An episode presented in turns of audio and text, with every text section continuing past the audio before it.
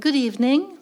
I am Marjorie Vibe Skagen from the University of Bergen, and I am so pleased to welcome Agathe Novak Le Chevalier to Bergen, who, besides being a Balzac and Stendhal specialist from the University of Paris Nanterre, is today's foremost expert on the oeuvre of Michel Houellebecq. She is here in the context of our interdisciplinary research project, Historicizing the Aging Self, where we investigate cultural historical representations of aging and old age, especially in literary texts. There's a huge interest for Houellebecq in Norway, increasingly since the publication of The Map and the Territory, in fact, all his novels are translated into Norwegian, and his last novel, Serotonin, is now on the top 10 lists in all the bookstores. And this last novel has been very favorably received, and a third edition is already out after only six weeks. Most serious novel readers seem to have heard of Houellebecq, but the first adjective people associate with his name is controversial. Oh, but he's so controversial, they say, and jump to the mediated image of the unhealthy and hateful looking, misogynic, anti humanist, Islamophobic reactionary. Many will associate his novels with breaking of sexual, political, religious taboos. Few will associate Houellebecq with compassionate gerontological concerns. But as Agathe Novak Le Chevalier will show, the topic of aging, the last taboo, is in fact very relevant, a very relevant approach to Houellebecq's works, to his art of consolation. And I quote the possibility of an island. In the modern world, you could be a swinger, bisexual, transsexual, zoophilic, but it was forbidden to be old. But even more important, Agathe is not just the leading Houellebecq scholar, but the person who has done most to bring forth the true literary qualities of Houellebecq's works and to rescue the essential novelist, poet, and thinker from the dangerously simplifying and sensational political polemics of the day. Here is her book, her most important book so far Houellebecq, L'Art de la Consolation, which situates Houellebecq in a tradition going back to the Stoics and very clearly and very beautifully analyzes Houellebecq's art of consolation. She has published also a pedagogical edition of La Carte et le Territoire and is also responsible for including Houellebecq in this prestigious series of L'Herne. Cahiers de L'Herne. I can also recommend to you um, some uh, lectures and an amazing interview with Houellebecq, which I watched last evening, on, which are all online. And um, in these interviews, and as I think you will see today also, you can see how she really has a gift for bringing out the very best in this author. So I'm so pleased to have you here. Just before I'm going to welcome you to, to take the word, I just want to remind the audience that after uh, uh, lecture, there will be a conversation where Solveig Lygren will be asking some questions, and there will also be the possibility to ask questions from the audience.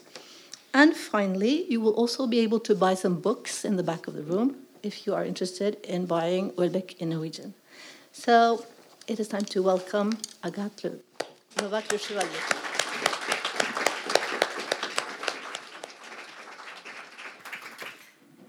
Thank you very much, Marjorie. Um, I want to start by thanking greatly Per Buvik and Marjorie Vibe Skagen for their invitation here. The first time I met Per, it was on the occasion of the first French symposium on Michel Houellebecq. At that time, I had just begun to examine Houellebecq's work, and I really couldn't have guessed that I would, nine years later, be invited to Norway to speak about him. I have to say that I'm extremely pleased and very honored by this invitation and really happy to speak to you tonight. And I'm especially grateful to Per and Marjorie because I might not have taken up the theme of old age in the work of Michel Houellebecq were it not for this conference. And the more I work on it, the more it appears to me to be a predominant theme of essential importance. That's what, that's what I shall try to demonstrate tonight, and I hope I shall convince you.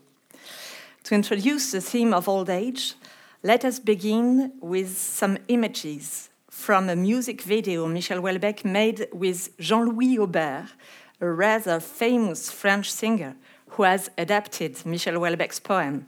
I let you guess why I'm showing you the first minutes of this video.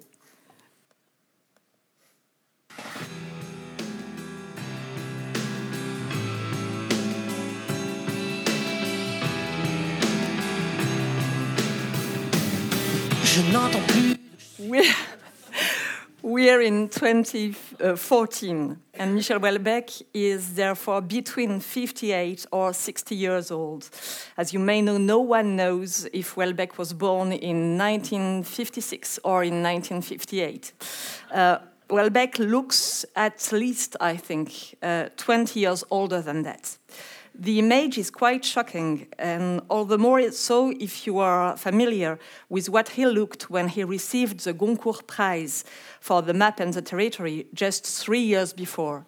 This video emphasizes an accelerated physical degradation.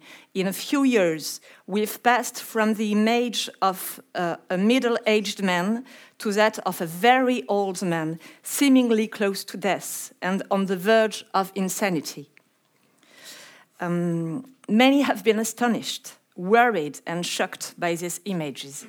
And there is indeed something astonishing to see the writer who has often been told to be our great contemporary, the writer who best represents our modernity, as, as someone who seems to be prematurely, prematurely senile.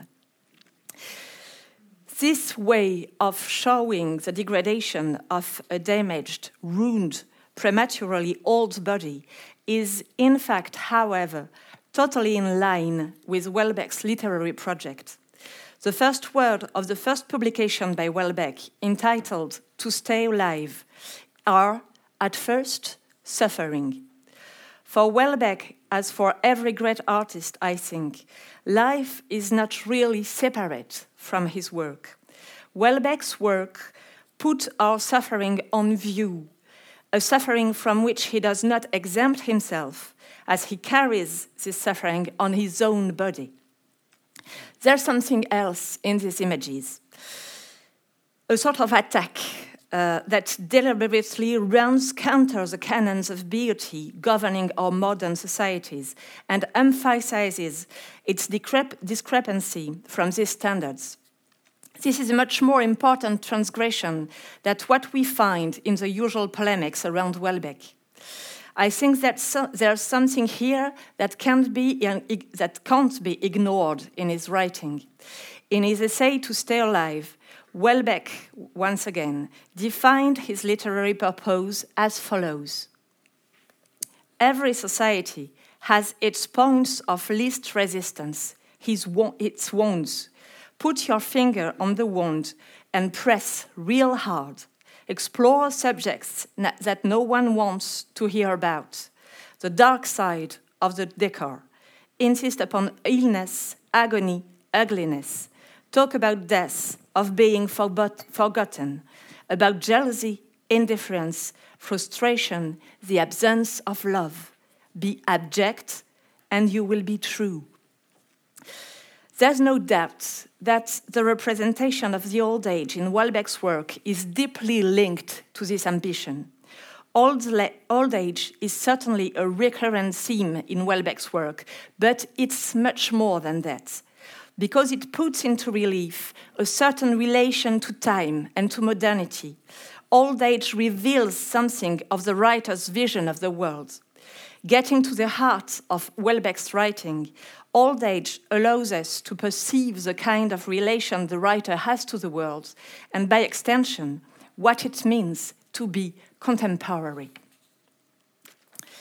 Houellebecq's first imperative, then, is to be authentic, to offer a true representation of the world.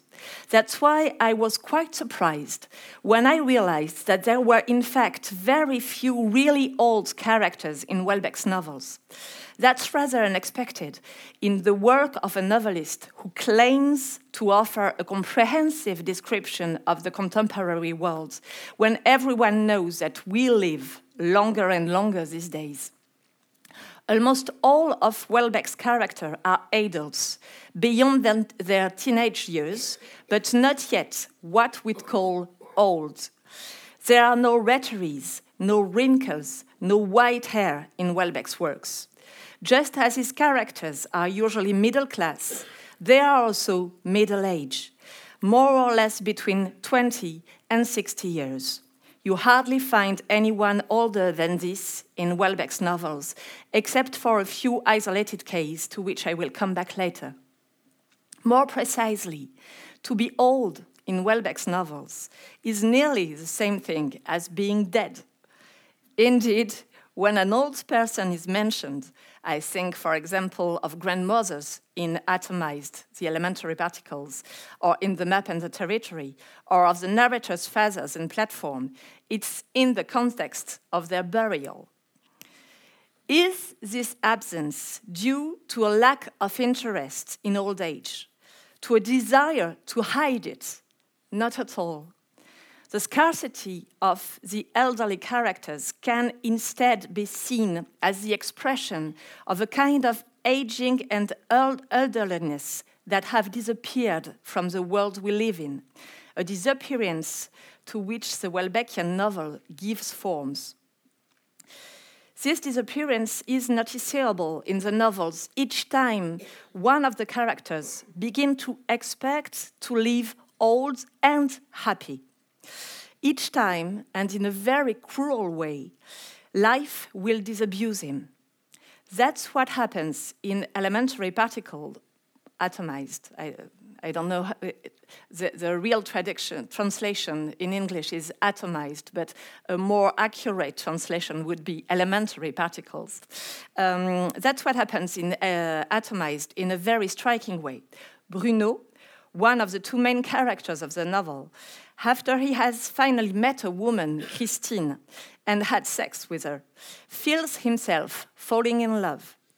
He first thinks about the week he's going to spend with her, and then his daydream grows. I, I read in French, and you have the English translation here. Peut-être même est-ce qu'ils allaient se revoir, vieillir ensemble? De temps en temps, elle lui donnerait un petit moment de bonheur physique. Ils vivraient tous les deux le déclin du désir. Quelques années passeraient ainsi, puis ce serait fini. Ils seraient vieux. Pour eux, la comédie de l'amour physique serait terminée. Despite the brutality of the expression ce serait fini, it would be over. This thought isn't so dismal. Old age is the end of life, but also the end of comedy, and as such brings a kind of relief. However, reality is going to ruin this dream. There will be no chance to grow old quietly together. Christine will end her days severely handicapped and will choose to commit suicide rather than to accept this physical decay. Bruno is likely to end his life in a psychiatric hospital. In short, there's no happy love, nor is there a happy old age. Another example, that of Houellebecq himself, but as a character, as he appears in the map and the territory.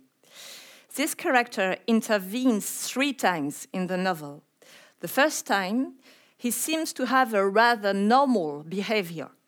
The second time, he appears as a wretch, dirty and stinking, alcoholic, and profoundly depressive. But the third time, miraculously, Michel Houellebecq has completely changed. He seems to have aged into a dashing old man. He lives in his grandmother's house. He takes his dog out for long walks outdoors, and he cooks beef stew for his guests. Here's an exchange he has with Jed Martin, the novel's protagonist, when Jed visits him. Vous avez choisi une vie calme, dit Jed. On approche de la fin, on vieillit tranquillement. You grow old quietly. Once again, old age represents here a kind of deliverance, and once again, it will be refused to the character. As you probably know, as a character, Michel Houellebecq will die violently in the novel a few days later. He will be savagely assassinated and his body torn into pieces and scattered, scattered throughout his living room. A number of clues in the novel allow the reader to recount that he is between 58 and 60 years old at the time of death, which we don't really think of as being old nowadays. That's why there's something deeply ironic and tragic to Ferber, one of the two policemen in charge of the murder investigation, listening in his car to a piece by Liszt that evokes old age as a state of gentle serenity. Il n'y a peut-être aucune musique qui exprime aussi bien que les derniers morceaux de musique de chambre composés par Franz Liszt, ce sentiment funèbre et doux du vieillard dont tous les amis sont déjà morts, dont la vie est essentiellement terminée, qui appartient en quelque sorte déjà au passé et qui sent à son tour la mort s'approcher, qui la voit comme une sœur, comme une amie, comme la promesse d'un retour à la maison natale. This is exactly what is now out of reach. It's all as if the very idea of old age as a sweet and peaceful retreat, a serene farewell to life, has itself become pure illusion. No sweetness for old people in, in our contemporary world, no rest either. What is depicted in Houellebecqian novel is not old age in itself, it is the process of aging. And that changes everything. Old age is considered as a stable state that can be one of plenitude, but aging, on the contrary, is a process associated with loss and is experienced as a form of degradation and decay. All the characters in Houellebecq's novels are haunted with the idea of aging, and we must try to understand why, what is so frightening about it. It is not really, as we might expected it, a matter of one's closeness to death. In Elementary Particles, the narrator explains that our era has succeeded in, I quote, droning the tragic sense of death in the more general and the more flaccid sensation of aging. Unfortunately, we are no more worth tragic greatness. We don't really seriously think about death. Our fears have changed, or rather, our minds have been changed by the world we live in. The main reason why aging seems so terrifying appears in Houellebecq's first novel, Extension du domaine de la lutte, strangely entitled in English, Whatever. But a more accurate translation might be Expanding the Fields of Struggle. The enigmatic meaning of the title in French comes, according to the narrator, from the idea that our world has seen the triumph of liberalism, um, not only with regards to the economy, but also sexuality. In all contemporary societies, spaces and sites of struggle are proliferating, viciously opposing winners against losers. The results are inevitable either in economic fields or in sexual field. Without doubt, old age loses in both cases. Economically, the old are no longer productive. Sexually, the old are no longer desirable. The conclusion is ruthless. To grow old in our contemporary societies is to become useless and invisible. It is to attain your exp expiration date, good for nothing but being thrown out with the trash. In Houellebecq's work, you can find two attitudes regarding this situation. The first is empathetic, the second, angry. Empathy is mainly present in his poetry, while anger appears chiefly in the novels, especially The Possibility of an Island. I'm going to briefly discuss these two attitudes. The first attitude appears in a particularly striking way in one of the poems of The Portrait of Happiness, Michel Houellebecq's first collection of poems. I'm going to read this, this poem right through because it concerns our topic directly. I'll read it in its English traduction because I think poetry, Houellebecqian poems, are not uh, translated in Norwegian. I love hospitals, asylums of suffering, where the forgotten old turn into organs beneath the mocking and utterly indifferent eyes of interns who scratch themselves eating bananas. In their hygienic yet sordid bedrooms, you see clearly the nothingness awaiting them, especially in the morning when they rise, pale, and moan for their first cigarettes. The old know how to cry with minimum noise. They forget their shouts and forget their gestures. They no longer laugh much, and all they have left after a few months, before the final phase, are a few words, almost always the same. Thanks, but I'm not hungry. My son will come on Sunday a smell of my intestines. My son will come all the same. And the son is not there, and their hands almost white. What is left at the end of our lives? Only a final increase of suffering on all levels. Physical suffering. These old people who forget their thoughts are progressively reduced to nothing but their bodies. The poet says they transform into organs. They return to a purely mat material and painful state. Moral and affective suffering, too, as suggested by the dwindling laughs and the silent tears.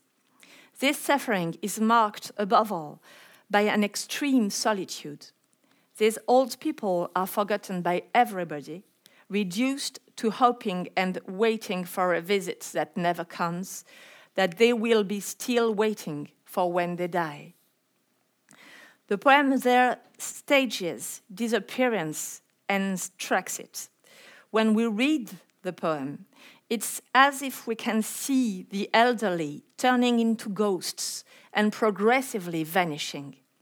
Their pale figures, their nearly white hands, indeed seem to melt into the white universe of the hospital, but they also fade into the very whiteness of the page with which the poem ends, which constitutes for them a kind of poetic shroud. There are two, the, there are two things, no, I want to say uh, something about this poem.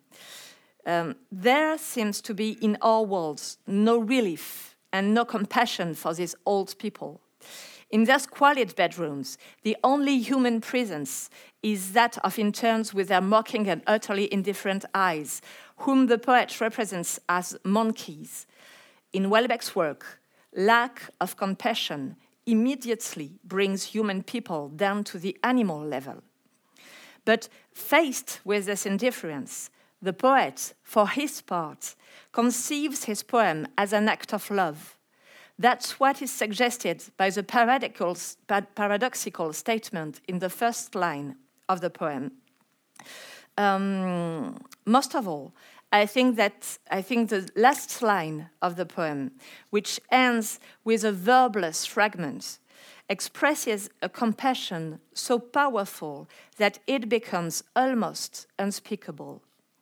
It's as if the very point of the poem was the attempt to restore some kind of presence, to surround agony with affection and tenderness, to bring back the memory of these old people forgotten by all.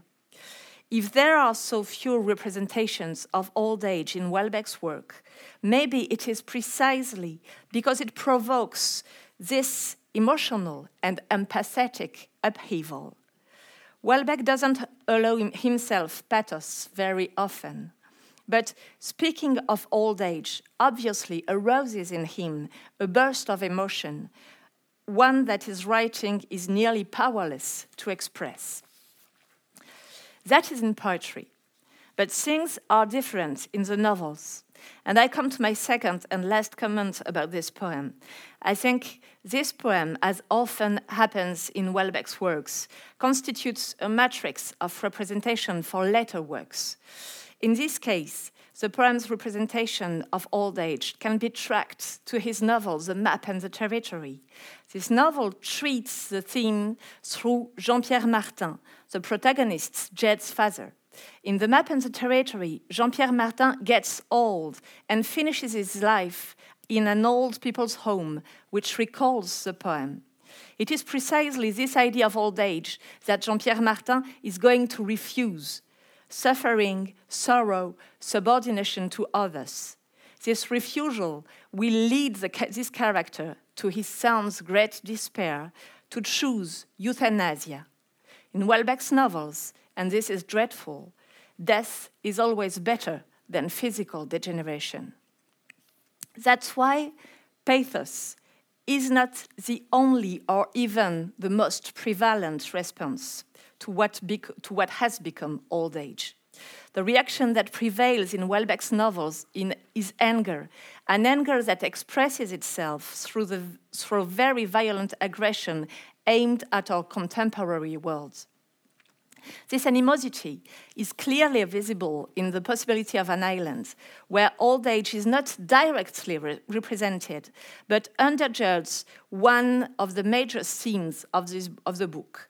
The novel treats the complete negation of old age in a world the narrator describes as belonging to what he calls permanent kids. And that representation conveys a radical and vehement critique of modernity. The reader can hear it in the indignation perceptible in the narration of the 2003 heat wave, which killed several thousand people old people in France. Le corps enlaidi, détérioré des vieillards était cependant déjà l'objet d'un dégoût unanime, et ce fut sans doute la canicule de l'été 2003, particulièrement meurtrière en France, qui devait provoquer la première prise de conscience du phénomène. La manif des vieux avait titré Libération le lendemain du jour où furent connus les premiers chiffres. Plus de 10 000 personnes, en l'espace de deux semaines, étaient mortes dans le pays. Les unes étaient mortes seules dans leur appartement, d'autres à l'hôpital ou en maison de retraite, mais toutes, quoi qu'il en soit, étaient mortes faute de soins. Dans les semaines qui suivirent, ce même journal publia une série de reportages atroces, illustrés de photos dignes de camps de concentration, relatant l'agonie des vieillards entassés dans des salles communes, nus sur leurs lits, avec des couches, gémissant tout le long du jour sans que personne vienne les réhydrater ni leur tendre un verre d'eau, décrivant la ronde des infirmières, dans l'incapacité de joindre les familles en vacances, ramassant régulièrement les cadavres pour faire place à de nouveaux arrivants. Des scènes indignes d'un pays moderne, écrivait le journaliste, sans se rendre compte qu'elles étaient la preuve, justement, que la France était en train de devenir un pays moderne, que seul un pays authentiquement moderne était capable de traiter les vieillards comme de purs déchets, et qu'un tel mépris des ancêtres aurait été inconcevable en Afrique ou dans un pays d'Asie traditionnelle. Italics suggesting indignation, comparison with concentration camps, and a violent indictment of modernity. Everything here accentuate, accentuates the outrageous nature of these events and reveals also its symbolic impact. The abandonment of the elderly, who are treated like trash, is not accidental. As a matter of fact, it is consubstantial with a modernity that, that worships youth, glorifies the body, and exalts conception and productivity. A few days later in the novel, the main character, Daniel, has a violent argument with Esther, the young girl he's, loving, he's in love with, about Larry Clark's movies, Ken Park, and Kids. Daniel launches into a long diatribe against this filmmaker, whom he considers to be Nietzschean scum, and who encourages his public to get rid of the old, I quote, without consideration, without regard, just because they are too weak to defend themselves. And Daniel, siding with the old, claims that they should instead subjugate young people and, for example, force them to prostitution. In To Stay Alive, Houellebecq, addressing his reader, uh, his reader um, uh, imagined uh, uh, as a potential future poet, says this The society. Oh, I'm, I'm really sorry. This. The society you live in aims to destroy you. You aim for just as much in return. The weapon it will use is indifference. You cannot afford to adopt the same attitude. Go on to the attack. That's exactly what Daniel does here. His answer is outrageous, of course, and he's aware of it. But his extreme aggressiveness is a counterweight to the violence society itself displays against old age. In order to respond to this silent scandal, to the outrageous indifference and disdain shown towards old people, things must be overtuned and voices raised in public outcry. However, we should not confuse this fuss with Houellebecq's literary strategy, which is subtler and, I think, more efficient. I was surprised when I began working on this talk and saw how few old characters figured in old characters figured in Houellebecq's work, an observation that had never struck me before with as much force. It's undeniable that Houellebecqian novel integrates an idea of old age, which permeates the corpus. But rereading his novels showed me that if old age is so little represented, concretely speaking, the feeling of being old, on the other hand, is one that's shared by nearly, off, uh, nearly all of Houellebecq's characters. This feeling of oldness is taken up as a refrain in nearly every single novel by Michel Houellebecq. Three examples. Ça m'étonne d'avoir seulement 30 ans. Je me sens beaucoup plus vieux. Extension du domaine de la lutte. C'était vers la fin des années 70. Lui et Bruno avaient 20 ans et se sentaient déjà vieux. Les particules élémentaires. Et enfin, plateforme. Elle surprit mon regard vers sa poitrine, eut un rapide sourire. Michel, dit-elle après un léger silence. Je sursautai à l'emploi de mon prénom. Pourquoi est-ce que vous vous sentez si vieux? demanda-t-elle en me regardant droit dans les yeux. C'était une bonne question. Je suffoquais légèrement. Vous n'êtes pas forcé de répondre tout de suite, dit-elle gentiment. Note the implied blank space in platform. The protagonist's stupefaction at the difficulty of this question, which strikes a chord. This is undoubtedly the moment where he begins to fall in love with Valérie. Michel doesn't respond to Valerie's question, or rather, he responds in a roundabout way. After having ask, asked Michel the question of whether he knows why he feels old, Valérie gives him The Hollow, a novel by Agatha Christie that she says she thinks he will like. Michel immediately reads the novel, which he indeed likes and which elicits the following response.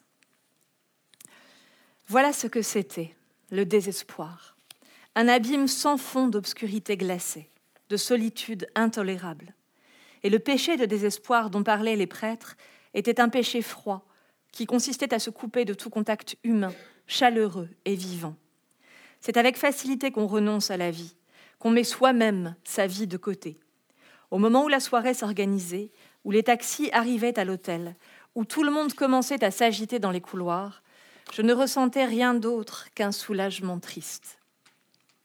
It's through analyzing the hollow that a response to Valerie's questions is implicitly formulated. Why does Michel feel so old? It's because he made the choice to give up on life, to put himself aside. The feeling of oldness expresses despair and, in particular, a sense of being unfit for the con contemporary world. It's a rejection of a world that one doesn't understand, that one doesn't recognize as being one's own, a world that one refuses to be part of in the end. This feeling, which is constantly being ex expressed, is undoubtedly one that the author himself feels and extends to his characters.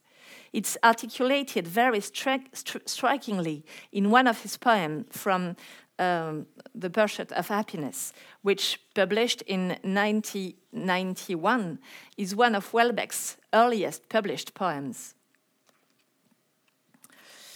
Well, it's my translation, so pardon me. Je me suis senti vieux. I felt myself old shortly after my birth. The others fighted, desired, sighed. I only felt in me a formless regret. I've never had something like a childhood. It's impossible to read this poem, I think, without coming away with a sense of déjà vu. This attitude, this affirmation of a premature old age, of the mind and not of the body, isn't new. It is profoundly rooted in a literary tradition, that of Romanticism. It's surely not a coincidence that the poem appeared in Michel Houellebecq's first collection, that is to say, the collection that in his corpus is most directly influenced by Baudelaire.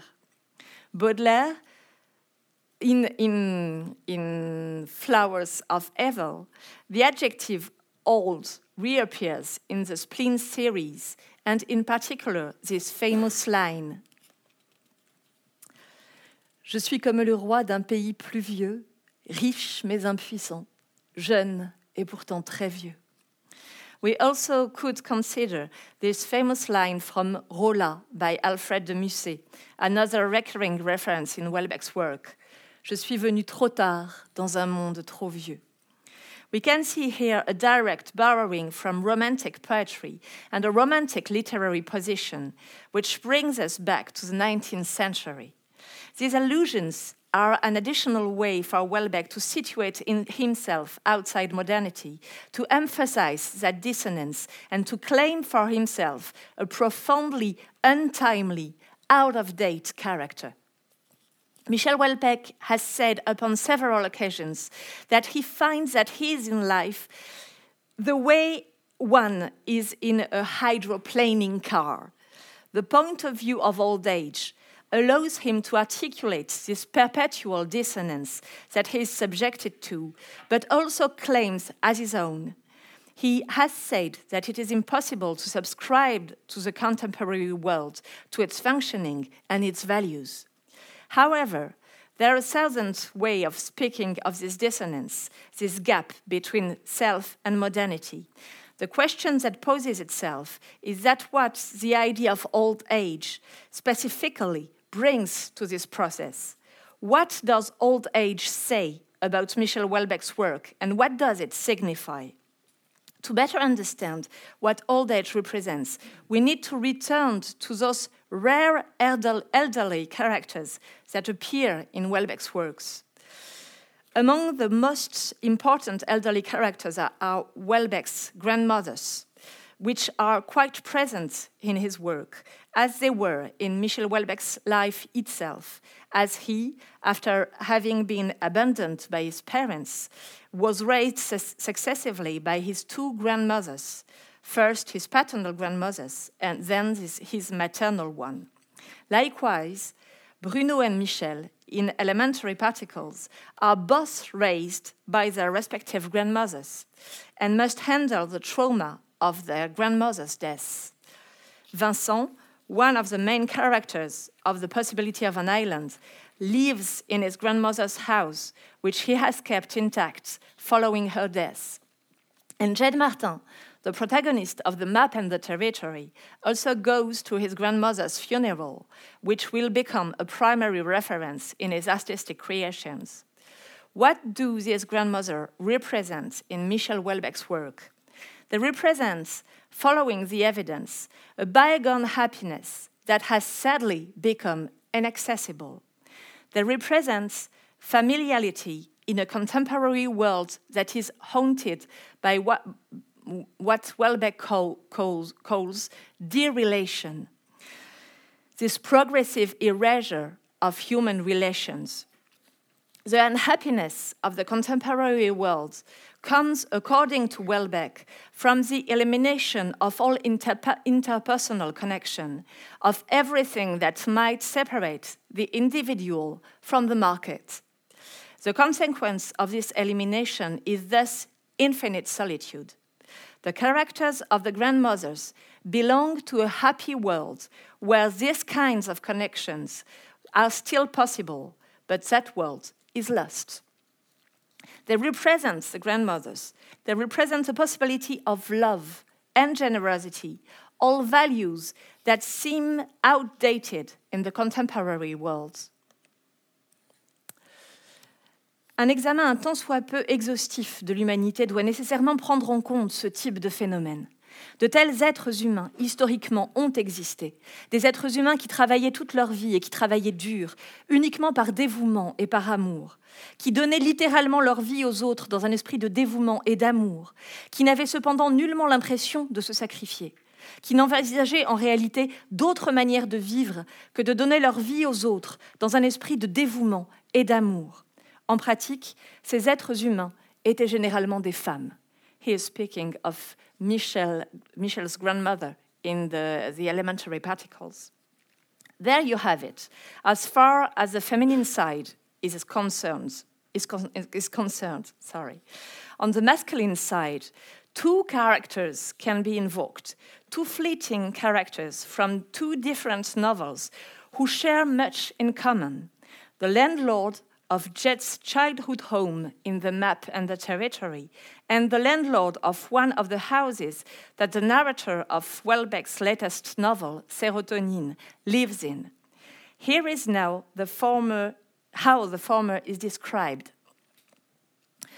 Le propriétaire était un vieux type, un intellectuel visiblement, toujours en costume trois pièces gris, avec une fleur à la boutonnière. Chaque fois que je l'ai vu, c'était une fleur différente.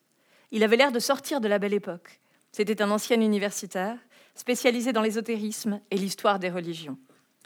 As for the landlord in Serotonin, he is a charming, stunted little old man who dies in the novel after having rented out his house to the narrator. It's said of this man that he, I quote, did his time. We don't know much about him, except that he was, as if by chance, an authentic Christian, one of those whose, I quote again, place is already saved at the Father's side.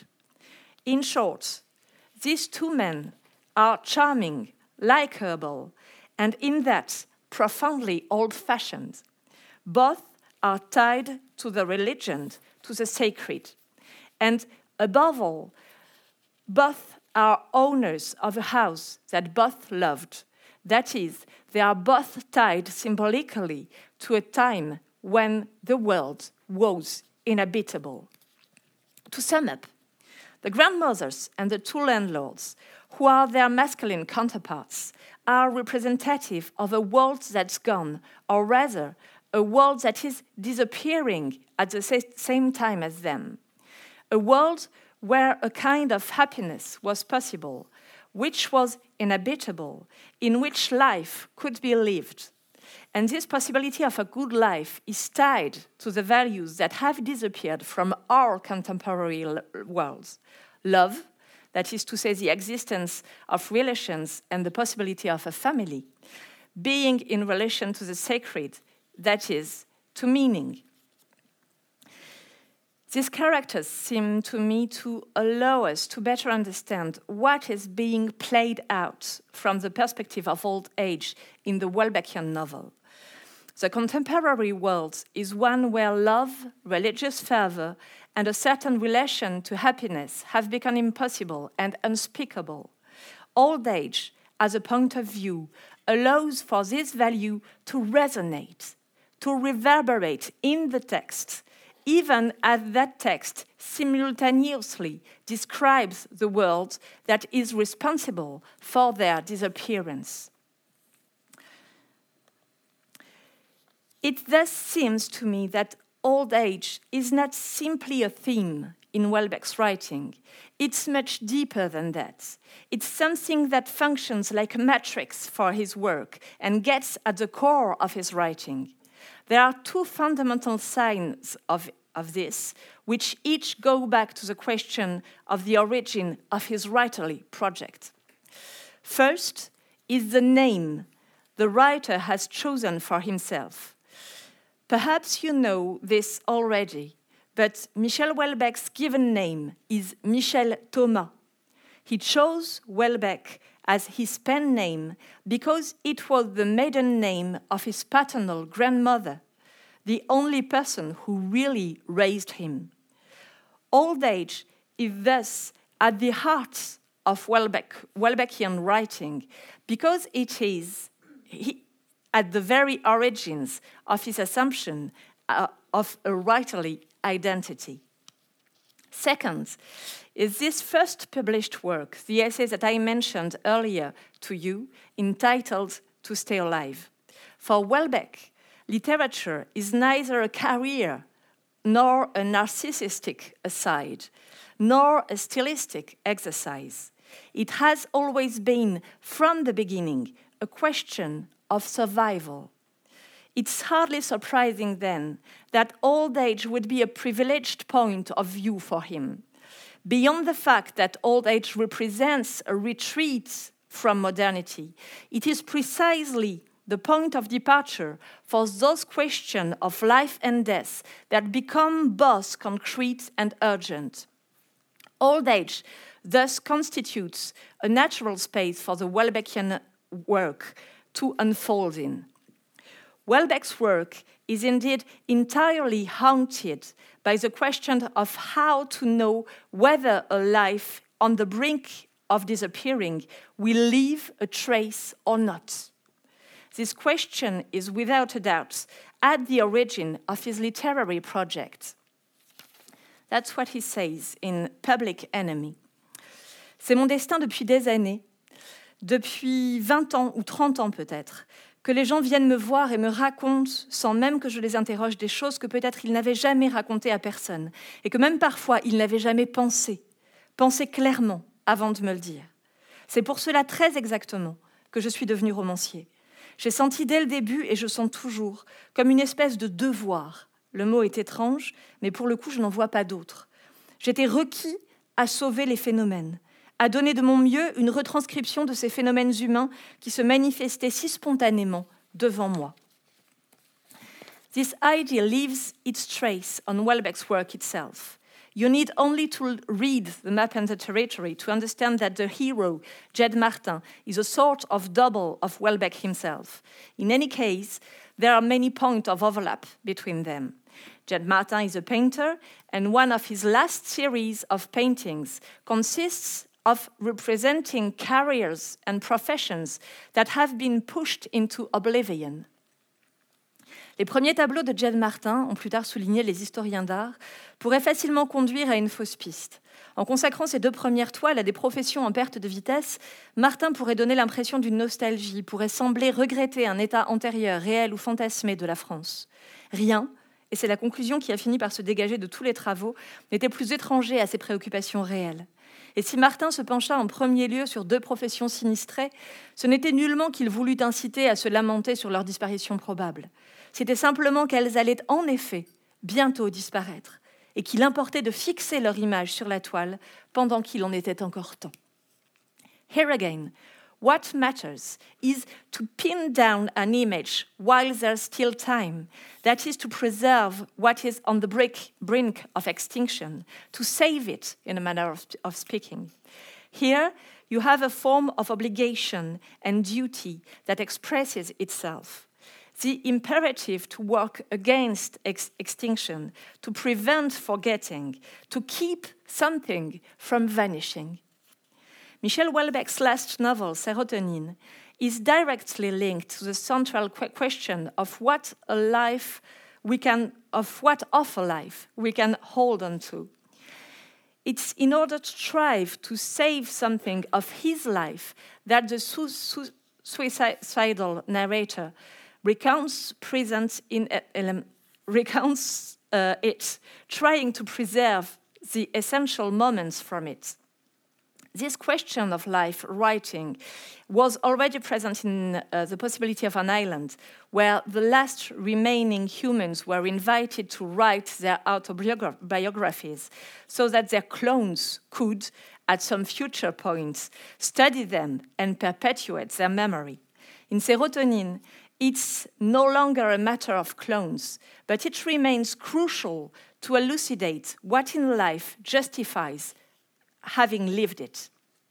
The narrative constitutes consequently the only way out of his metaphysical anguish. C'est curieux, cette volonté d'établir un bilan, de se persuader au moment ultime qu'on a vécu, ou peut-être que pas du tout. C'est le contraire qui est affreux et étrange. Il est affreux et étrange de penser à tous ces hommes, à toutes ces femmes qui n'ont rien à raconter, qui n'envisagent d'autre destin futur que de se dissoudre dans un vague continuum biologique et technique. This is why old age is an essential element of Houellebecq's oeuvre, through which the writer situates himself naturally. It's he, it is his point of origin, his lookout post, and the only space in which he can be in contact with what disappears and know accordingly what he must hold on to. I started this talk by mentioning the surprise one could feel hearing Houellebecq appearing as an old man, adopting uh, point, the point of view of old age, referring constantly to the 19th century, designed as all great contemporary writer. I'd like to finish with this quotation by Giorgio Agamben in his book, What is to be Contemporary?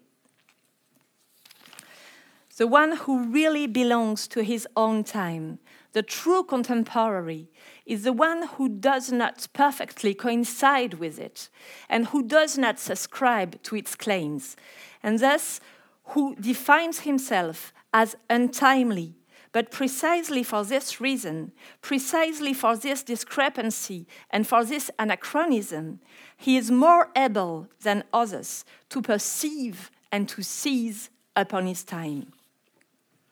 I think that is exactly the point here. No matter if you're old or young, what is essential is to be untimely. And that is precisely what Houellebecq reaches by adopting the point of view of the old age. Thank you very much.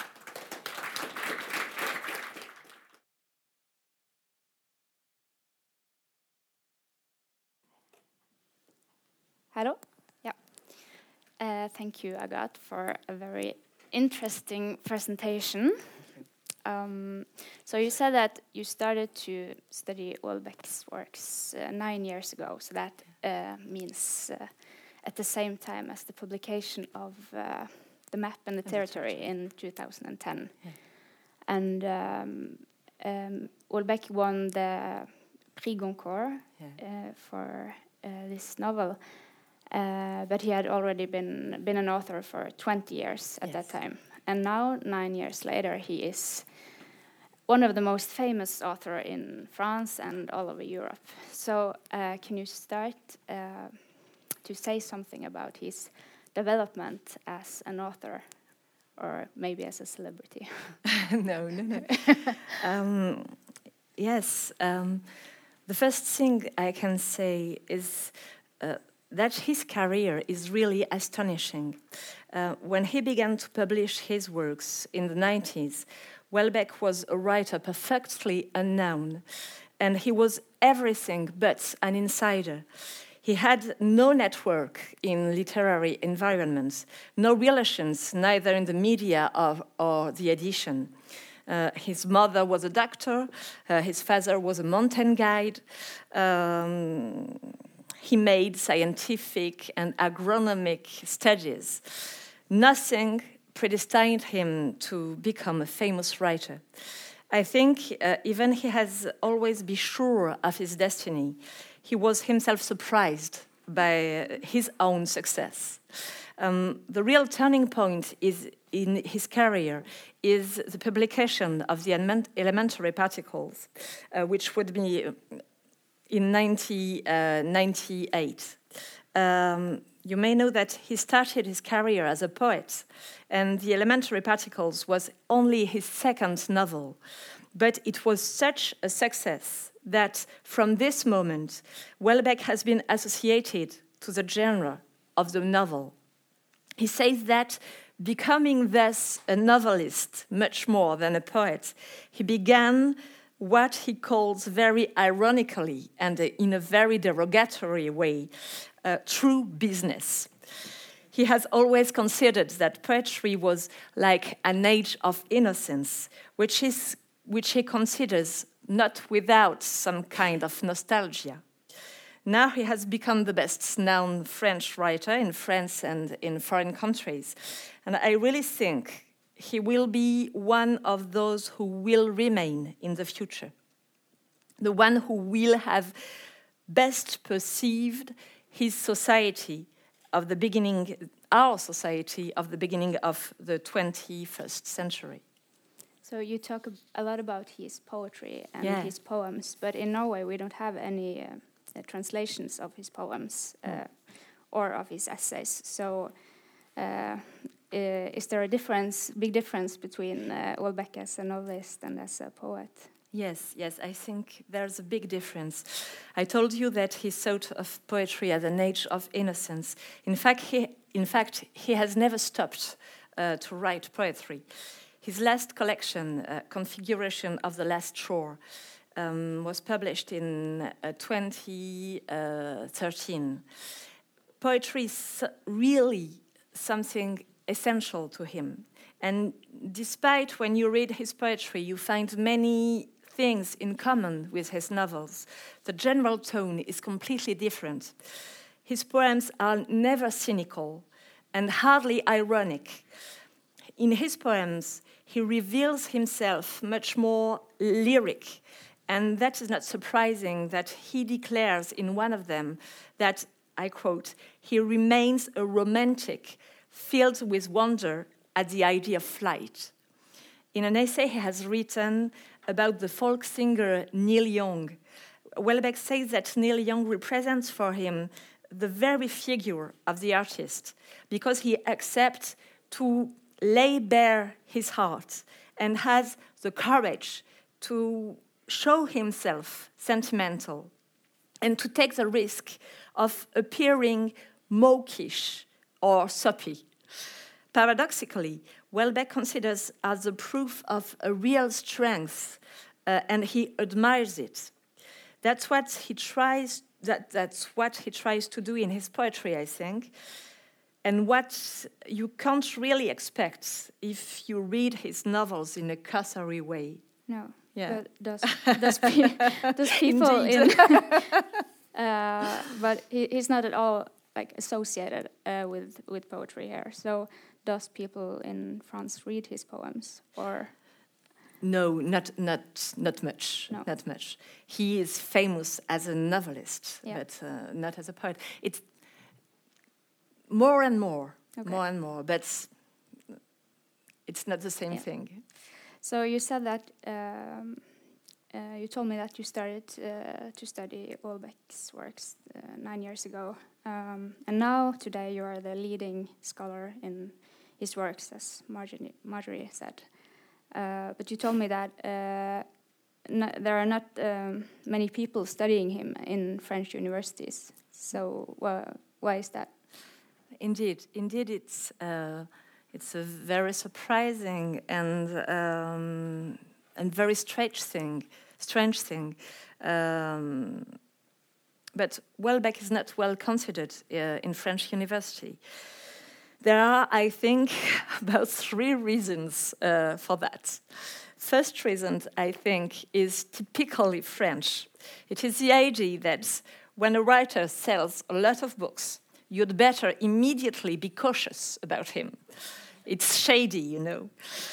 In France, a successful writer is not someone you can trust.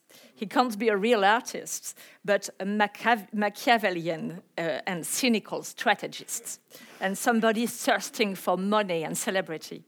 Uh, anyway, um, his books can be worthy uh, in a literary point of view in the French uh, imagination. We are still stuck, indeed, in the romantic myth of the unknown genius who lives in obscurity and in misery. This idea could just be could just seem strange and funny, but in fact, I think it is really harmful because it leads the academics in France to despise someone who has undoubtedly a great literary ambition and who has the advantage to replace literature at the heart of public questioning, which is something so rare and so precious nowadays. The second reason is tied up to the first. Houellebecq is blamed for taking up all the media attention. He's supposed to be too famous, and all the other French writer to be writers to be crushed by him. This idea is reinforced by the fact that, as you know, Houellebecq is not only a writer, he has been a singer. Um, he's an artist whose uh, photographies are exposed uh, in prestigious galleries, and he is now very well known as an actor. So many people think he's really too pervasive. Last but not least, of course, there is a political and ideological reason. Houellebecq is characterized in France as a neo reactionary writer, while traditionally in France, great intellectuals are mostly on the left wing. And what his characters say about Islam, Marjorie told it, about society, about women, which may sometimes be shocking, is constantly interpreted as his own words. And Houellebecq constantly plays with the limits between fiction and reality, and critics always tend to simplify things. To sum up, Houellebecq unsettles everyone because he can't be, simply categorized, neither politically or socially or even from a literary point of view. So he troubles everyone in our Cartesian and very rational country. Yeah, and uh, also as uh, like not only as an author but also as a figure or a public figure, he's uh, quite confusing. Like Yeah. in the in the video clip that you showed us, um, he look uh, he look much older uh, than what it is, Yeah. and for me it's not obvious if. Uh, the way he looks and the way he behaves in films and in, in public in general, if that's a part of uh, an artistic project or if it's if it's just him. Uh, so, what do you think? Well, um, Houellebecq's appearance is another point of polemics about him in France. Not only his physical appearance, anyway, but also his clothes. Many people in France think that his global appearance is not appro appropriate for a famous writer. Uh, the first time he won an important literary prize for Atomized, for the, particle, the elementary particles, a member of the jury said that it was very shocking and insulting to come and get his prize and uh, not to have taken a shower or have been to the laundry. I talked about uh, I talked about this episode with him, and he told me that he had been so surprised when he heard of this reaction. According to him, he was clean and quite normally dressed. In fact, I think he likes to provoke these sort of reactions. He loves to have a sort of punk attitude. You know, it's it's it's his rock and roll side. Uh, concerning his physical appearance. Is it really deliberate? It is, is it a part of his artistic project? It's a difficult question. I really think that great artists don't really hermetically separate their life and their work. To be more precise, I think that they make their work with everything they can uh, and everything they have. And I think it's the case for him. However, since you asked me the question, I don't think the appearance you've seen in the movie I have shown to you is the result of a deliberate will. He had health problems, in particular because he smoked uh, too much. And he seems to have been, at a period, profoundly depressed. The only deliberate thing he has done here is to choose not to hide it but that is highly significant. Exhibiting a physical decline is so rare nowadays, and it is a way to take upon him the suffering of the world. It's a kind of Christic attitude, and it is surely not a trivial matter. Lastly, you, you mentioned the films he plays uh, in as an actor. And there are two main movies the, the kidnapping of Michel Houellebecq, and another which is entitled Near Death Experience. It's interesting to note that in both of these movies, he plays a character that, is, that disappears or uh, who is about to disappear. I think in collective psyche, Houellebecq is someone who is always about to disappear. And I think that his works conveys, uh, convey this idea. And it's another reason, I think, why old age is at the, the very heart of what he writes. So you've mentioned uh, already that he is a controversial author in France, but also uh, in Norway. No. uh, and one of the things that provoke people is the way he is uh, describing uh, women yes, in his novels. So, uh, where ordinary female bodies are often compared to uh, young girls and uh, described in a not very uh, flattering way. Uh, so, what do you think of the way uh, women are described in his works? Well, um, you're right. you're perfectly right. Women bodies are often so cruelly described that many women perceive this description as personal attacks and find it unbearable to read Houellebecq and conclude he is a misogynist writer. In fact, I, I don't agree at all with this conclusion, but it is true that uh, description of feminine bodies uh, is sometimes very violent. Why? The first reason, I think, is that women are, are, are described in Houellebecq's work, in Houellebecq's novel, um, through a male gaze but it is not the most important. The most important is that these masculine characters belong to our capitalist liberal societies in which sex you have seen that uh, in the quotation of whatever sex is only considered in terms of performance whatever thesis is that the liberal economic system has consequences on our private lives and above all on our sexualities. Men, for example, are in Houellebecq's novels uh, highly obsessed with the, the size of their sex, and they look at women in the same way, seeking for personal um, ideal perfection. It is true then that women are not flattered, but men neither. Uh, on the other hand, what is true um, is that women's destiny are all the more cruel in Houellebecq's novel um, because, according to Houellebecq, they undergo a more prematurate, more sudden, and their more violent physical degradation. But Houellebecq does not despise them for that. That's all the contrary. Houellebecq is not a feminist writer, it's sure, but he can't be thought as a woman hater. Women in his novels always appear to be much better persons than his male characters. We have seen it in the um, quotation of atomized, of the, the, elementary particles, and it doesn't concern only grandmothers. Women in Houellebecq's works are the only ones who are open to goodness, to generosity, and to love.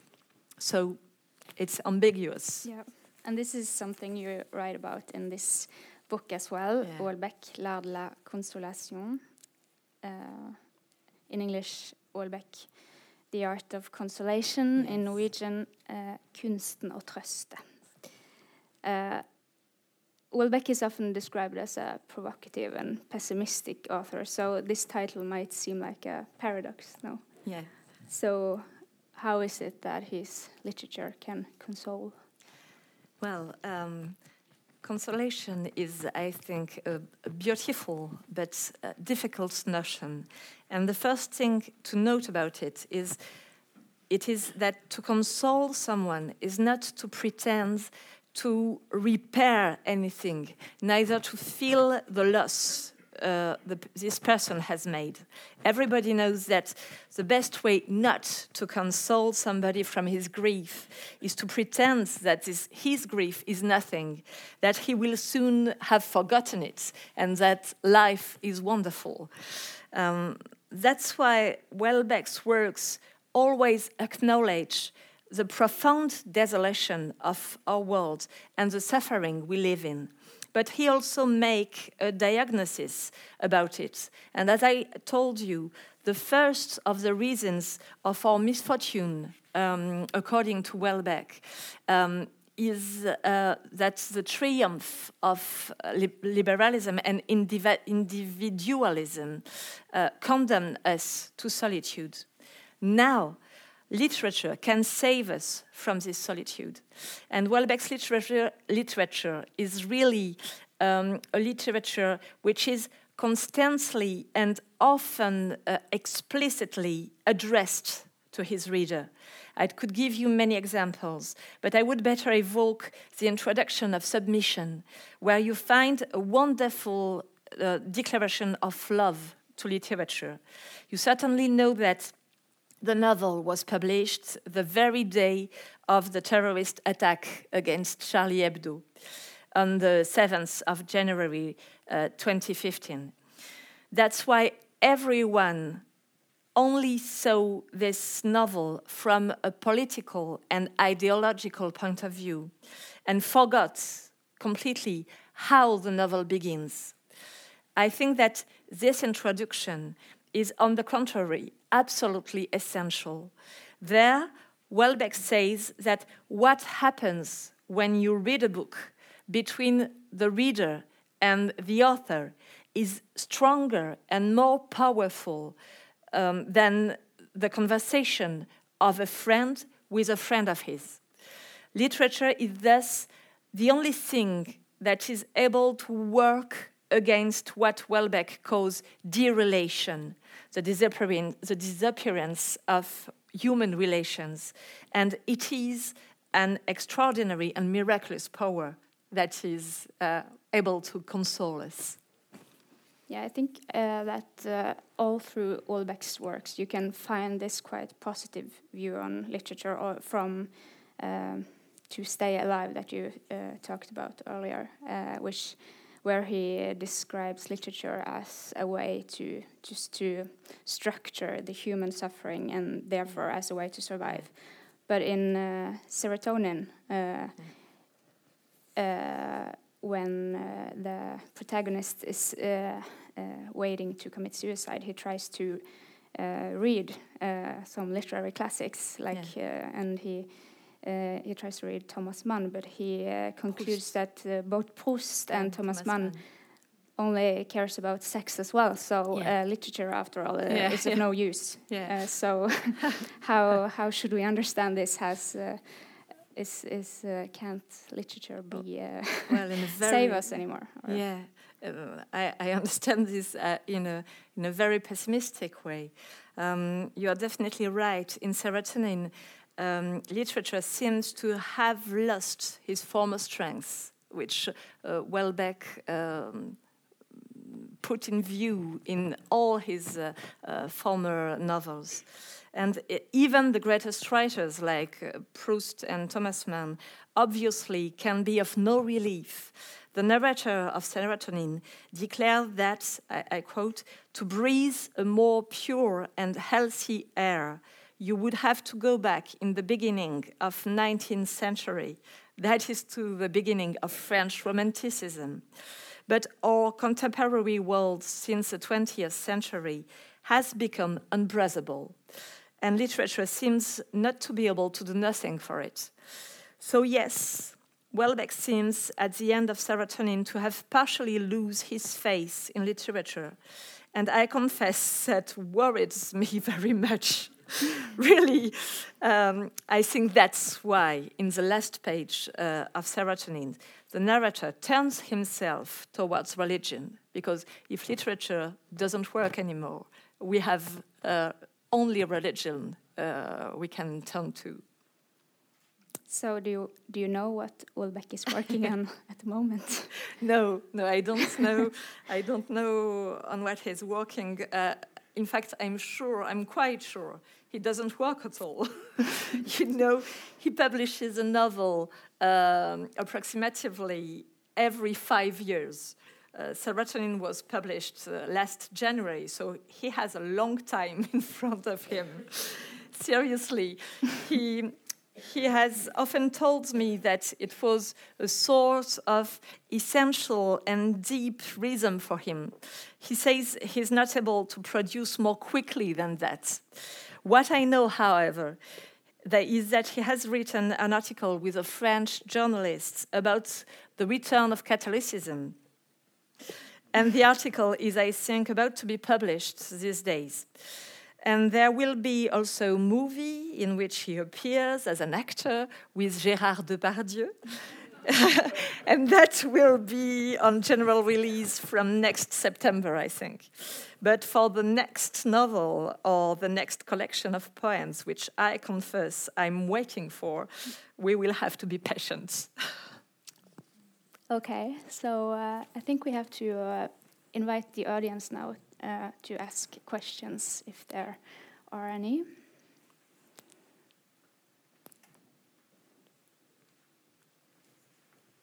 Yeah. Per? Could I just say one word on the belief in literature? Yeah, because, of course. Um, because you, uh, Agathe, you have yourself written a recent article, not yet published, yeah. where you show his dialogue with the French Romanticism, Lamartine, and others. So, I mean, all the novel is um, marked by literature. Yeah. Not only by his own yes. creation, but also uh, by yes. his dialogue with others. So, yeah. I mean, um, these sentences on Proust and on Thomas Mann, both of them homosexual, um, that is uh, superficial um, compared yes. with the real dialogue with uh, literature in that uh, novel. I, yes, I think so. Yes, you are you are right, and. Um, uh, when I read Serotonin, I thought that it was um, the novel in which he has the most uh, entered in dialogue, indeed, with uh, literature. Uh, there is uh, an intertext intertextuality, which is very striking in serotonin, um, with uh, Thomas Mann, Proust, uh, Lamartine, mostly, I think, um, and many others, in fact. Um, so you're right, and I'm wrong. It's more ambiguous than that. yeah, Gogol, yes. Gogol, uh, uh, he says Houellebecq, uh, the narrator of Serotonin, but Houellebecq himself says that he feels very, very um, near uh, Gogol uh, in in his uh, way of thinking and this in, even in, in his way of writing. So there is a profound, uh, deep dialogue uh, with with other writers, but. Um, my thesis um, is that every Houellebecq novels ends in, uh, ends in poetry. Uh, he the tends to poetry at the end. That's why it's very interesting to read Houellebecq till the end, because it's in the end that we can be consoled. Um, and in serotonin, it's um, it's it's very. It, I think it's his uh, novel, which is the most, the darkest. It's his darkest novel because this um, this link to poetry is not as clear as uh, in the other novels, and um, it's um, well, I I, um, I won't, uh, but well. I think you're right in uh, pointing out uh, the, um, the, the dialogue with other writers, but there are some some clues uh, which indicate that um, he's not sure uh, is not sure now that literature really works to save the world. Is it one more question? with ser uh, serotonin mm. that there are. I talked with my husband about that. There are so many references to Pascal. I think seven, yeah. And he's uh, uh, he's on a um, bagage. He's yeah. the name is on luggage. It's like literary yeah. luggage, and. Um, so it's maybe there are some very, as often in Houellebecq, there are some very dark uh, things, but also some very hopeful things. So you feel that it's this uh, interplay between the opposites, between absence and presence. Like, um, and when literature in um, Soumission is sort of like um, soul meeting between yeah. consciousness. Yeah, yeah. Like in, exactly. I was thinking about Georges Poulet, his, uh, uh, but also a very romantic idea of uh, that meeting of consciousness. It's sort of um, a substitute for religion and the the, the unity a religious person could find in prayer, perhaps. It so, so um, I just think that this um, this tension between absence and presence yeah. in a religious sense, yeah. in um, is just um, he needs both.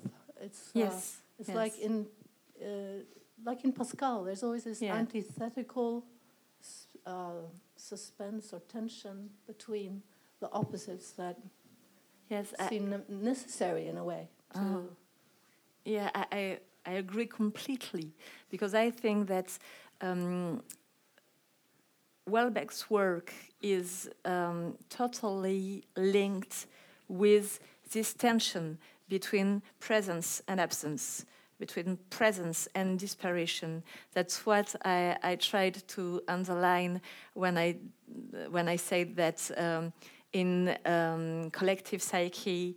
Um, you see when you see how the the other artists imagine Houellebecq. uh, you see that this tension between apparition and disparition is uh, in, at the heart uh, of their work. So there's something with this question about him that is uh, central. Um, about Pascal, um, I think it's um, a major reference uh, for him.